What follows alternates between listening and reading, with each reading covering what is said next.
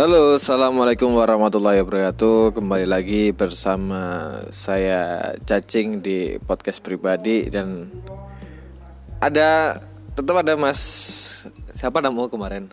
Eh, nganu Tali pancing, Kail.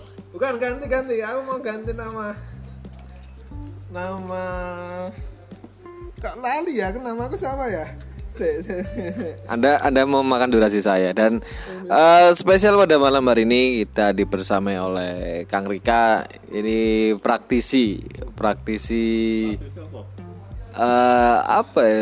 Kalau teman-teman bisa kenalnya broker atau sebenarnya yang dikerjakan adalah marketing, marketing eh, aset perumahan, tanah atau bangunan rumah. Kali ini kita bakal curhat nih. Ya tetap dengan pembahasan seputar COVID COVID-19 yang tidak hanya memberi dampak luar biasa terhadap kesehatan dan kita doakan teman-teman di tim medis juga dikuatkan. Dan tak lupa oh iya iya. Iya iya iya iya iya. Calon anda ya? Waduh. Anda tidak punya mic, Anda tidak punya mic, Anda tidak bisa interupsi saya. mas. Mlebu mlebu bos eh tapi itu perlu diketahui ketika kegiatan orang dibatasi maka perekonomian juga terbatasi karena tidak ada perputaran supply chain baik itu supply chain human atau supply chain barang. Dan pasti itu bakal mempengaruhi si kantong ya. Sangat dong. Sangat dong. Ini kita mulai mulai dari yang bicara sangat dong. Sangat sangat seperti apa isi kantongmu terpengaruhi oleh covid ini? Ora ono Covid e. Padha wae ngono. Yo, kalau dibanding sama waktu COVID dulu ya, maksudnya sebelum ada COVID ya. Setidaknya setidaknya tuh ada sebuah pemasukan yang bisa saya kumpulkan. Tapi kalau COVID ini kan benar-benar kayak harus berdampaknya tuh kita harus menghemat dana karena kita nggak tahu tuh ini sampai kapan ini covid ini berlangsung karena sekarang kan posisinya juga kita yang kemarin awal-awal udah lockdown maksudnya kita udah di rumah aja terus eh, udah sebulan nih ternyata beberapa orang baru mulai di rumah aja kemarin misalnya. Kan kita wah jadi kayak apa ya timpang gitu loh. Jadi tambah tambah lama lagi tambah Heeh. tambah lama lagi kita mulai perputaran ekomo- ekonominya. Dan tambah lama lagi dapat saya tidak terisi. ya itulah Tambah lagi lama lagi nggak nikah nikah. Kalau nikah udah takdir pak eh btw teman-teman ini salah satu teman yang berjasa dalam mendesain undangan saya ini. Dia yang bikin undangan video saya. kalau ada yang mau Dapat Bisa, gaji bisa. berapa tat? waduh tanyakan Nanti kalau ada yang mau di animasiin wah, saya bisa menganimasikan undangan udah udah jadi ya desainnya ya biar gampang biar gampang pak iklan iklan dikit dari nol dia, tidak dari nol. aduh Oh. jaluk gampangnya Oh. Oh, nek tadi mau tak bi kalau seandainya emang dari nol tak suruh bikin animasi saya. Wah desainnya itu pak. Saya yang lama desainnya pak. Kalau animasinya Cepat. uh, uh, soalnya tinggal kayak mikir ini mau muncul dari munculnya gimana itu terus tinggal nyari. sebenarnya anda anda itu anda itu kerja apa? Dan terdampak beberapa Nek dibilang kerja ya ndak kerja ya mas. Maksudnya tapi kayak Ya ada lah pemasukan. Tapi kalau kerja Apa ya? Nek dibilang kerja ya Nek aku Nek aku ya kayak eh Apa ya? Dolan. Jalan aja sih oh, Mungkin kayak Aku seneng Ngapain terus ini kok Ada duitnya Terus ya udah gitu aja ngalir. Tapi itu nggak nggak setiap hari itu. Jadi kalau mau dibilang kerja ya nggak kerja juga sih. Tapi ada pemasukan dikit-dikit. Kalau boleh tanya, ah, itu offline atau sumbernya anda offline apa-apa. offline Oh, saya kalau online masih banyak pertimbangan nih Eh kita belum kenalan sama ini satu orang ini kenalan dulu dong. iya iya iya bisa dong bisa dong. Ya. Nah ini orang baru. Ya, perkenalkan nama saya Rikaris ID. Wah, jadi branding saya brokernya asik, propertinya keren. oh di situ ada itu mas Ada dong. Kok enggak brokernya asik, propertinya menarik biar ada rimanya gitu. Oh gitu. bisa diusulan itu usulan ini ya Kalau saya sih intinya gimana caranya laku aja deh rumahnya gitu. Mau tagline-nya gitu nggak apa-apa gitu. Nah, tadi berbicara apa tadi mas? antara ekonomi pribadi sama covid sekarang ini mas Hmm, dampaknya apa di ekonominya. Dampaknya antara ada covid sama enggak sama aja. Sama aja dalam arti Jadi sebelum orang yang sta- stabil ya, orang yang stabil, orang yang kuat ekonominya mau digembar apa pun. eh, sementara masih ada handling lah ada yang dijagakan ya.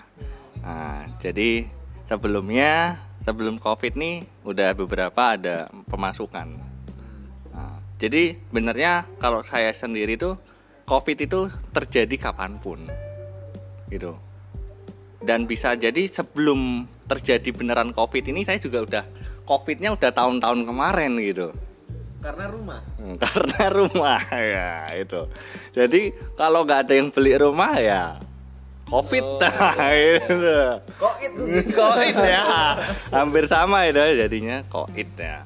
Jadi teman-teman kalau saya sendiri sih kemarin udah mulai menyisihkan jadi kemarin terakhir closing di angka sebutin nggak ini ya Putin loh. boleh boleh boleh Nggak, biar ini ada gambaran biar ada dalam, gambaran dalam tahap kita Hmm. bukan jadi kalau pamer tapi dalam tahap ilmiah ya kita Oh, oke. kira-kira.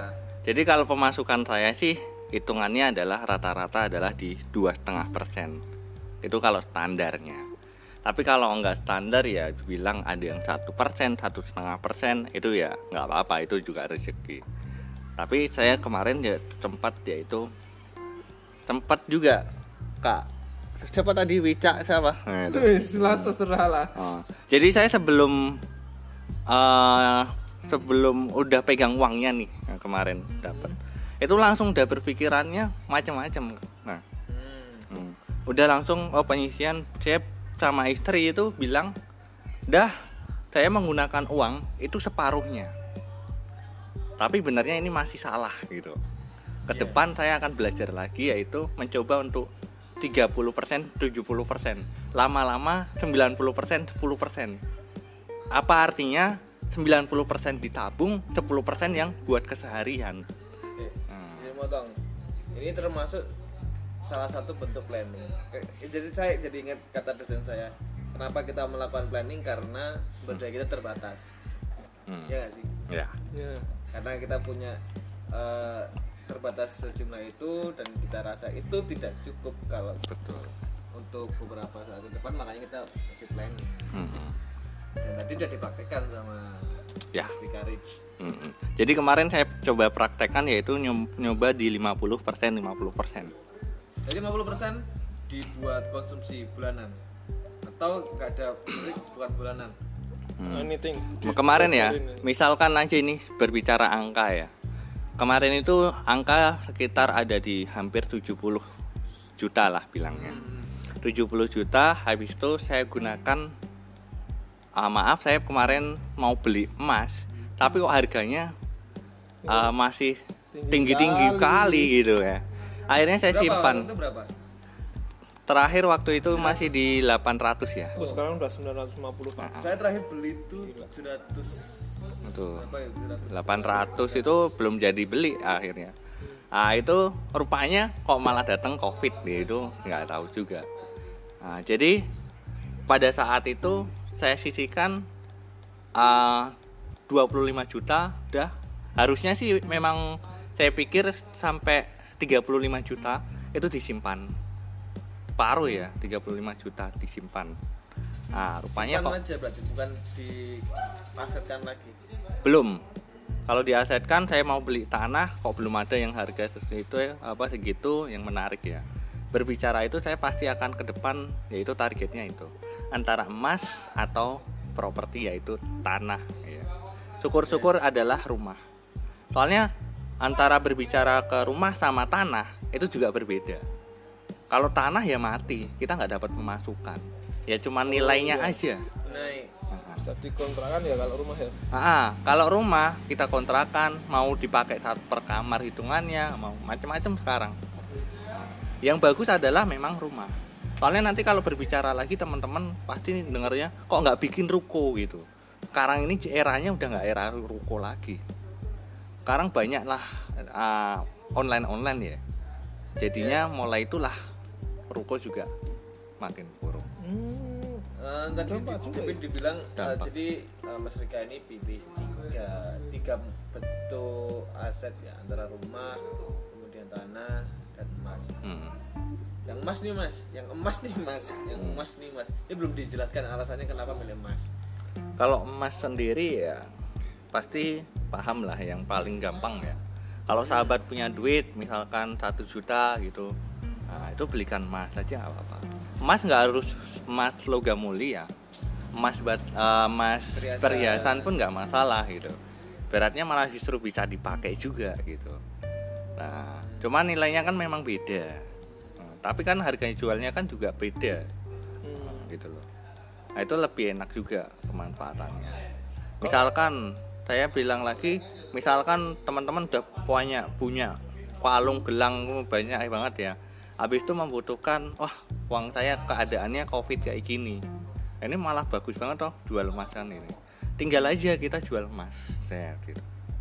Udah beres. Jadi kita masih aman. Padahal nilai emas yang kita simpan masih simpan ini naik terus. ya time value Tapi kalau teman-teman menyimpan duit nominalnya tetap sama, iya kan.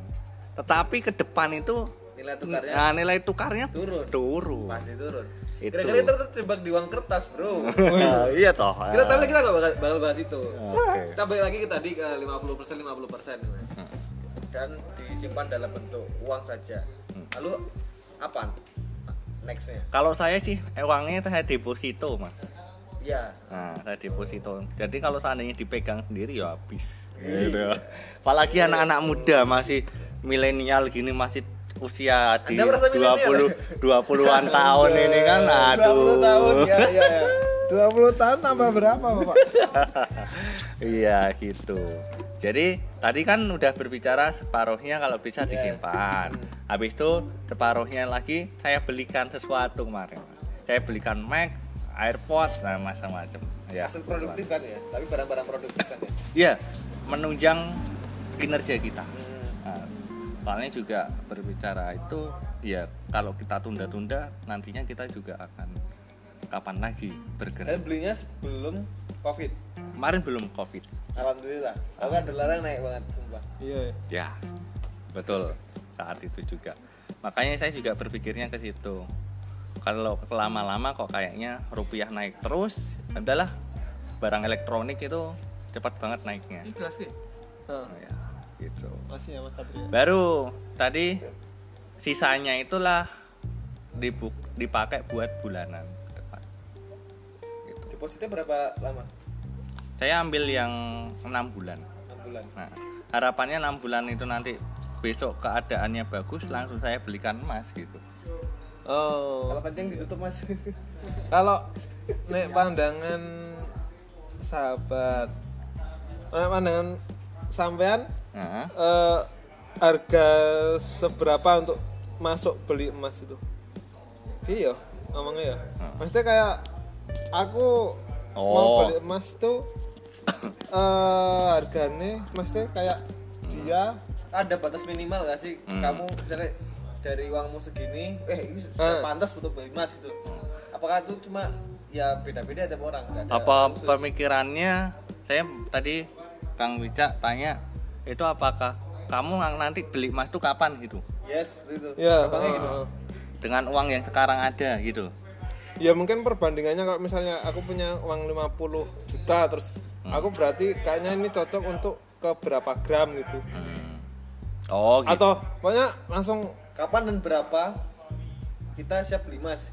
Nah gitu sih. Kapan dan berapa kapan dan berapa kapan dan berapa jumlahnya kita siap kalau emas jangan ditunda-tunda deh benernya ya kalau seandainya uh, yang belum nikah gitu beli aja mas-mas perhiasan itu nggak apa-apa hmm. tapi kita nggak boleh pakai Ji. oh jelas dong Ah, laki-laki itu. tidak boleh emas ya dong. disimpan aja. Simpen aja. Ah. itu kan kita saya coba untuk it- apa ketahui orang-orang dulu tuh kayak gitu rupanya beli perhiasan simpen beli perhiasan simpen mbah-mbah kita tuh kayak gitu rupanya Hmm. kalau kalau di daerah saya di Jawa Timur tuh, Ah.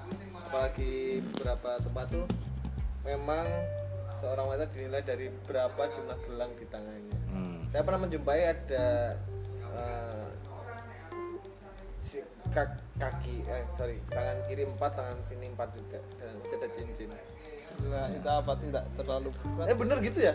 Cara mereka investasi orang-orang eh, ya di kita. di salah satu buat bahwasanya dia oh bergaya. Nah ya kan? Di salah satu kalau dia memang berpikirnya untuk investasi ya masuk gitu. Banyak kok ibaratnya eh, saya semata-mata memang pakai ini. Tapi kan kalau seandainya tadi saya bilang mas perhiasan kan sayang sih kalau nggak dipakai gitu loh jadi ya udah punya banyak ya ganti-ganti kan. Acara apa apa apa pengen ganti nggak masalah gitu loh. Tapi kalau logam mulia nggak bisa diapa-apain. Dan kalau seandainya kita membutuhkan tadi saya bilang misalkan teman-teman belinya langsung di 50 gram gitu ya. Kan jualnya juga harus nggak bisa saya bikin satu gram apa ah, 20 gram di Oh. itu potong ini ini kan gitu. ya, jadi kalau seandainya mas itu nanti ya ini untuk menjaga ya.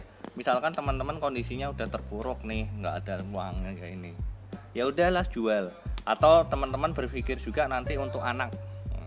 Misalkan anak mau sekolah ini nggak ada udah jual gitu. Tapi itu kalau ah, apalagi kalau teman-teman memantau nilainya keadaannya keadaan saham seperti apa saham emas seperti apa. Itu lebih bagus lagi dibekali ilmu seperti itu. Tapi kalau ilmu kepepet lah bahasanya kepepetnya udah butuh banget itu nggak akan rugi kok teman-teman. Berarti jual gitu. Hmm, tapi main saham nggak mas? Hmm? main saham nggak? Saham belum. Hmm, tapi resikonya juga berapa ya? Kalau saya benernya tetap kemungkinan ke depan sih main awalnya sih pengennya main ke properti produktif. Ya kalau seandainya berbicara tanah bisa sih benernya di properti produktifnya adalah kita tanam kayu pohon kayu Jati. Bisa sengon lah kalau jati terlalu lama om Oh gitu. mending Ah. melakukan Oh gitu. ntar ya. cucu kita cucu. 25 tahun wah berarti kita udah itu Oh. jadi jangan tunda-tunda jadi kalau menikmati hidup itu ya kalau bisa secepatnya ada mah berpikirnya saya pensiun lah wis pensiun itu iya nih pensiun saya kuwi. Apa saya bergas? Bahas itu. Itu kadang-kadang orang kan udahlah umur semene aku tak pensiun tak buka kos-kosan. Nah, ini ini ini gitu. Hmm, kalau sampean berarti kayak untuk menyiapkan pensiun itu Mhm. minimal harus ada kos ya nggak harus ada tapi minimal inginnya ada kos-kosan gitu ya untuk Kalau kos-kosan itu benernya usahanya orang tua. Orang yang sudah tua, kan pensiun bapak Ah. kelamaan ya. Kita udah tua ngurusi masih ngurusi mas penagihan per bulan Oh, ini ini ini. iya. Lelah, Mas. turn turn Hmm.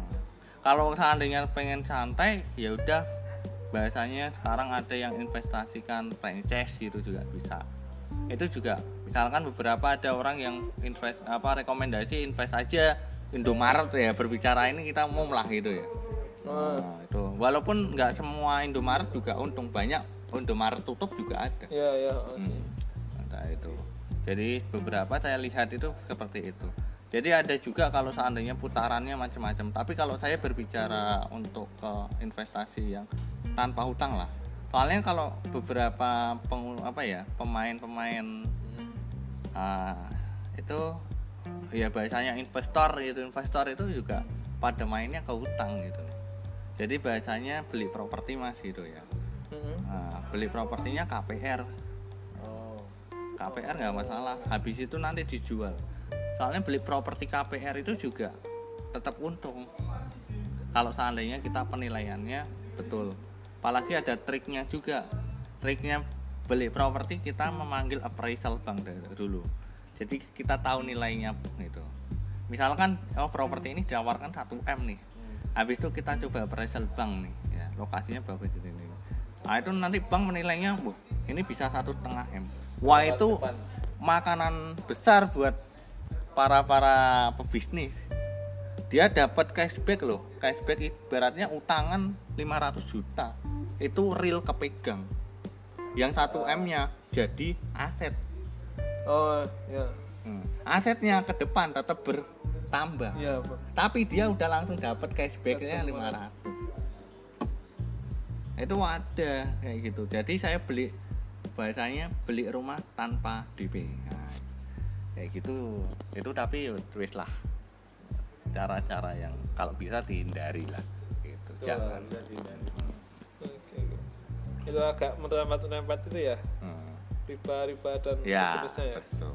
Kalau tapi kalau seandainya teman-teman pengen butuh ma apa ya apa ya trik ya atau apa kalau saya sih pandangannya adalah beli tanah produk itu tadi tanemin kayu nah, kayu itu kan ada usianya juga ada macamnya. Kalau saya pelajari juga atas sengon bawah bisa kopi juga ada beberapa.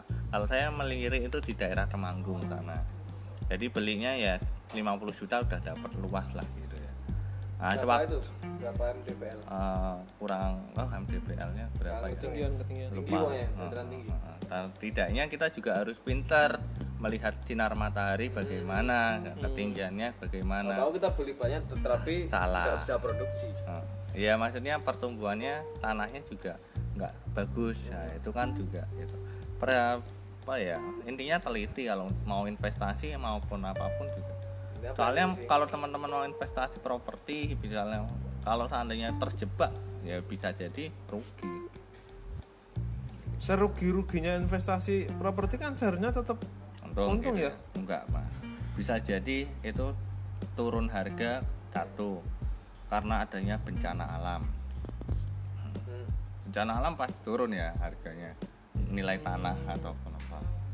Habis itu yang pabrik ke. Hmm, bis- pabrik ya limbah kemungkinan ya limbah itu ya. limbah oh iya Nah, mungkin dari bising, dari bau, dari macam-macam gitu ya.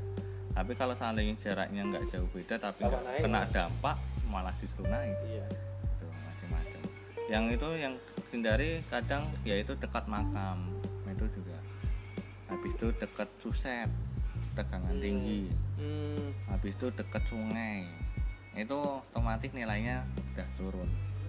Nah bisa jadi kita belinya wah harganya kok ini. Tapi kok nggak naik naik nah rupanya seperti itu kondisinya. Setiap putusan harus direncanakan. Nah, iya pasti. Nggak sem- sembarang ngeluarin Lagi- duit. Uang besar. Oh iya. Eh balik lagi ke topik kita awal bahwa Mas Rika itu investasi ketika eh, COVID belum menyerang. Walaupun COVID selama ini sudah dialami ya. Tapi kita bicara benar literally COVID belum menyerang. Di mana eh, orang-orang normal kondisi ekonominya masih ya masih stabil lah tidak seperti ini nah apakah masih mungkin ketika kondisi seperti ini Hmm.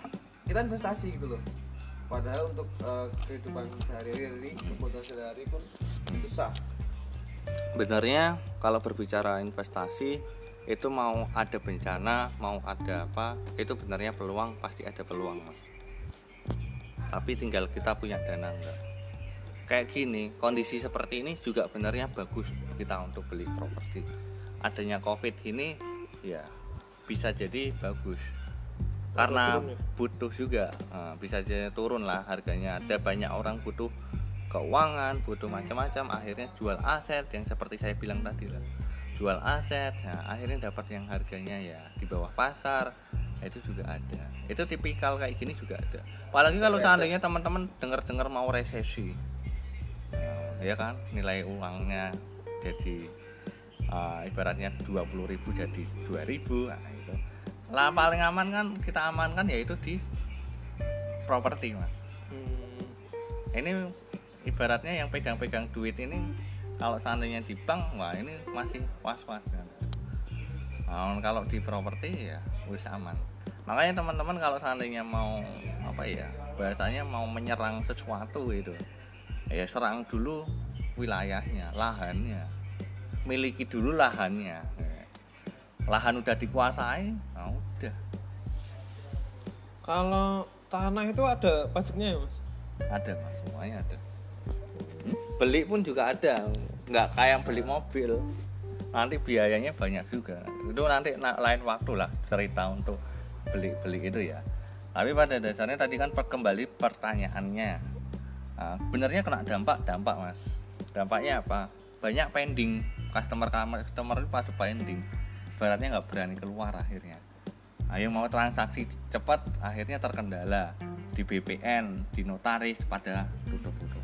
Ya ini terjadi juga nah setidaknya ya itu tadi kalau seandainya kita punya dana nah, seandainya apa sedini mungkin kita punya tabungan lah. Nah, kayak gini ya kita harus mengeluarkan tabungan. Cuman nggak tahu tabungannya kita sampai kapan. Nah, itu kan kadang gitu. Ngomongin tabungan saya hidup berdasarkan tabungan. Nah, Jadi penjabatan tadi saya kerja enggak saya dulu saya itu proyekan. Dan itu uangnya alhamdulillah mencukupi. Hmm. Jadi semenjak semenjak semester 6 itu udah proyekan sampai dua tahunan hmm, dan udah minta orang tua. Terus habis itu proyekan udah berakhir. Tapi kalau terus sering beberapa kali ngirim sih, walaupun saya nggak minta. Dan Hmm. tadi itu saya bertahan hidup. berarti nikah juga dari tabungan kak emang emang tab- dulu eh, proyekannya tab- tabungan mencukupi karena fasilitas ada fasilitas kantor kan lengkap ada apalagi kalau seandainya itu dulu udah diinvestasikan ya. Nah itu. Saya Oh iya. selama ini eh, saya nggak kan ke investasi karena saya eh, mungkin terlalu banyak pertimbangan. Apa sih yang perlu diinvestasikan? Karena saya memang jujur nggak tertarik saham nggak kalau rumah pun jauh itu loh tabungan saya nggak mungkin bisa beli Berarti cuma ngendon di bank ya? Heeh. Ngendon. Tahu kan ngendon kalian? Tahu dong. ya dan itu bank syariah dan nggak ada bunga ya, walaupun Oh, saya- cuma nggak- kayak nitip tok. saya juga kemarin depositonya ke BCA Syariah ya walaupun nantinya ya yang nggak tak ambil bunganya ben lah aku udah terima kasih aja intinya titip aja gitu sih itu sebuah sebuah sebuah kesempatan nih kalau kalau saya bisa uh, mengulang saya posisi itu saya investasikan baru investasikan karena tabungan dulu saya masih berlebih mas Gun. ukuran saya dulu soal mahasiswa dengan itu itu, itu oh lebih. gitu kan tapi karena saya tidak tahu jadi Kalau mau investasi, kalau bisa memilih investasi apa? emas sih Oh masih Tetap kayaknya kalau kecil-kecilan paling penak paling Ya, tapi mas. dalam bentuk logam mulia bukan dalam perhiasan Gak apa-apa kalau logam mulia kan ya satu gram sekarang paling 900 nah gitu bahasanya 60 udah naik. Hah? udah naik 960 65 apa ya 63 Anjay. nah itu benernya kalau punya duit sekarang beli sekarang juga nggak apa-apa kalau ada Kalau emas perhiasan tadi berarti kayak langsung ke kita ke toko emas langsung jual langsung dapat duit ya. Iya. Kalau teman-teman nak mas perhiasan itu juga berat-berat loh. Ada yang 25 gram ada, yang sampai 50 gram ada. Itu langsung kita mau jual langsung dapat duit 25 gram itu. Maksudnya kan kalau kayak aku tahu sertifikat mungkin nota sertifikat surat-surat surat-suratnya nggak ada surat-suratnya Ada lah. enggak maksudnya nek kayak logam mulia kan Mm-mm, ada dia sertifikatnya. minimal tiga hari tiga hari baru uang cair tapi kan kalau perhiasan tuh maksudnya Mm-mm, misalnya- langsung malahan justru langsung. 25 gram itu langsung cair kemungkinan jadi ya Eh, kemungkinan kalau seandainya lebih makanya lebih simpelnya bahasanya juga yang saya tahu ya itu kayaknya pajak yang di perhiasan itu nggak kebaca malah oh gitu kalau yang di logam mulia itu kena pajak Mm-mm. harus NPWP berdasarkan NPWP. Nah kalau seandainya itu paling simpel ya kemarin saya juga baru belajar. Loh nggak apa-apa per ya apa eh, investasinya emas emasnya. Iya sih kalau pengen bagus ya langsung logam mulia gitu ya. Tapi kalau seandainya pengen itu simpel santai ya udah itu. Nanti kalau seandainya butuh ya tinggal tinggal kita jual kebutuhannya kan. Nah, tapi kalau seandainya tadi logam mulia ya nggak apa-apa mau beli satu gram satu gram satu gram satu gram itu nggak apa-apa. Tapi kan lebih mahal jatuhnya. Iya sih. Sama yang 25 gram sama yang itu kan selisih tuh tapi kalau semakin beratnya semakin banyak Heeh. lebih murah iya. jatuhnya. Makanya kalau seandainya kita belinya satu gram Heeh, heeh. satu gram satu gram kan Iya, lebih lebih gitu. Gitu. Kalau perhiasan tuh kita kena biaya artis nggak? Maksudnya kena tetap kena ya oh gitu? Ah, tetap kena setahu saya juga itu Tapi tetap lebih aman perhiasan nih. Hmm? tetap lebih aman perhiasan Lebih perhiasan. Misalkan cepet kita beli perhiasan di bulan apa ini Bulan Januari? April. Dari sekarang. Nah, bulan April kalau perhiasan mesti ada sertifikatnya ya. Logam mulia pun ada sertifikatnya. Kecuali beli dina dirham tuh nggak ada sertifikatnya. Kalau yang di kalau dinar dirham dari wakala nggak ada. Nggak ada ya karena memang ditempatkan sebagai uang. Heeh. bukan bukan uang alat tukar alat alat tukar. tukar bukan untuk investasi jadi misalkan berapa ada nggak sih waktu ideal kita menyimpan? Atau kita cuma tinggal ngikutin perkembangan harga aja? Bisa rusak nggak sih mas? Jual ya jual gitu. Ada sih kalau seandainya nantinya rusak juga ada kekurangan. Tapi kan nggak jauh ya arti itu. Nah, kalau terkait itunya belum banyak tahu ya. Nantinya coba kita itu. Sementara ini kalau saya memang meliriknya adalah ke tanah ya. Yang tanah apalagi kalau tanah itu bisa disewakan. Nah itu enak lagi. Disewakan kayak Indomaret itu ya. Kita punya tanah habis itu disewakan Indomaret per lima tahun. Habis itu wujudnya malah justru dapat bangunan. Bangunannya kan ditinggal. Ya walaupun dari Indomaret sendiri nyebut ya kita nyebut Indomaret aja gampangnya. Itu juga akan punya uh, kayak tolak ukur apa ya? Uh, masa. masanya oh ini layaknya sampai lima tahun. Nah itu juga begitu dia mau lanjut baru direnov lagi. Ya itu pasti gitu jadi paling merata gitu tapi kalau teman-teman sekarang sedini mungkin banyak lah perhatian yuk kita beli emas aja nggak apa-apa datang beli emas gitu itu lebih aman daripada kita nyimpen duit gitu. Nyimpen duit ya kalau nggak gatel gitu apalagi kalau yang pakai ATM nah udah bisa kayak itu dan dimulai dari penyisian ya sesuai aja. Tadi kan kita dananya sumber dananya dulu dong nah, sumber dananya banyak ya kita bisa berani. Misalkan sumber dananya 100 juta gitu ya. Nah itu saya berani untuk menyisihkan 90% 10 jutanya untuk per bulan nah itu nggak apa tapi kalau orang yang pendapatannya hanya satu juta apa bilanglah 2 juta mau itu 90 persennya ya Waduh, cuman 200 lah gitu ya. Kan berat ya. Nah, itu. Jadi sedini mungkin sih. Berarti nilai itu relatif ya tinggal itu kebutuhan jadi kalau saya apalagi teman-teman itu harus di plan. Kalau seandainya ke depan itu apa itu harus dicatat target lah targetnya di selain kita punya target untuk amalan ibadah ada juga target adalah untuk mendapatkan sesuatu saya seperti tahun kemarin alhamdulillah dapat semua yang belum adalah mobil tapi insya Allah mobil tahun inilah saya yakin ya, gitu. Ya, tapi juga saya berpikir harus ada tabungan Nah, gitu. soalnya ya kalau seandainya itu tadi kan Kang Wicak sempat jual HP ya beli HP nah, beli HP ya itu karena kebutuhan nggak masalah. Tapi kalau bisa HP itu malah justru mencetak duitnya. Berpikirnya seperti itu.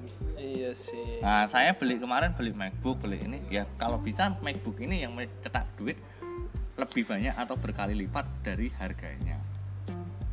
Itu berpikirnya. Iya, iya, iya. Nah, jadi nggak usah disesali.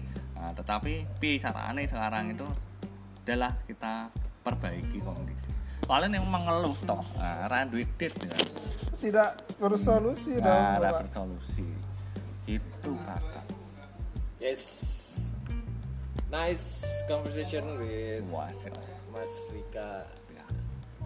Ini kayaknya lebih baik kita jadikan season nih. Kayak perlu ada episode lanjutan nih iya, Dan kita susun dalam materi yang lebih mungkin kita mulai dari Lebih de- awam lebih terus- detail nanti Oh, kemudian langsung ke expert. Gimana Mas Rika nih? boleh boleh Siap. ya nanti kita Kita lihat dulu ini hasilnya kayak gimana. Terus kita beli alat lagi. Oh, beli lagi uang dari mana? oh podcast tidak menghasilkan dong Nah, iya, nanti sekalian di YouTube nggak apa-apa deh. Dan jangan lupa subscribe saya. Wah, apa apa channelnya apa channelnya apa channel saya Rikaris Properti Cantik ya. Coba di situ. aja, Mas. Kalau enggak teman-teman buka aja www.rikaris.id.id Rika Rich R I K A R I K A R I C H Rika Kaya Rika Sugih artinya kan gitu. IG nggak ada IG Nah, akun Instagram IG juga ada, tapi paling itu lihat aja itulah web sama YouTube Oh. Gitu ya. Nah, terima kasih. Yes. Jadi berpikir ulang untuk investasi. Walaupun sekarang tabungan juga tinggal berapa ya intinya intinya eh, rezeki dalam bentuk uang pun sudah ditakdirkan tapi kita juga nggak lupa dengan ikhtiar kita planning kita ya nggak sih iyalah kan kita berencana Allah yang menentukan siap Nanti syukur-syukur eh, kita berbicaranya adalah berbicara real yang sudah kita kerjakan. Itu akan lebih mantap berbagi. Jadi kalau berbagi ilmu itu kan enaknya yang sudah kita amalkan gitu. Yes. Kita nanti akan undang narasumber lain bisa tandem karena kita masih teori saja. Ya. posisi omongannya kosong. Ya thank you teman-teman buat dengerin. Nanti kita akan sambung di episode berikutnya. Wassalamualaikum warahmatullahi wabarakatuh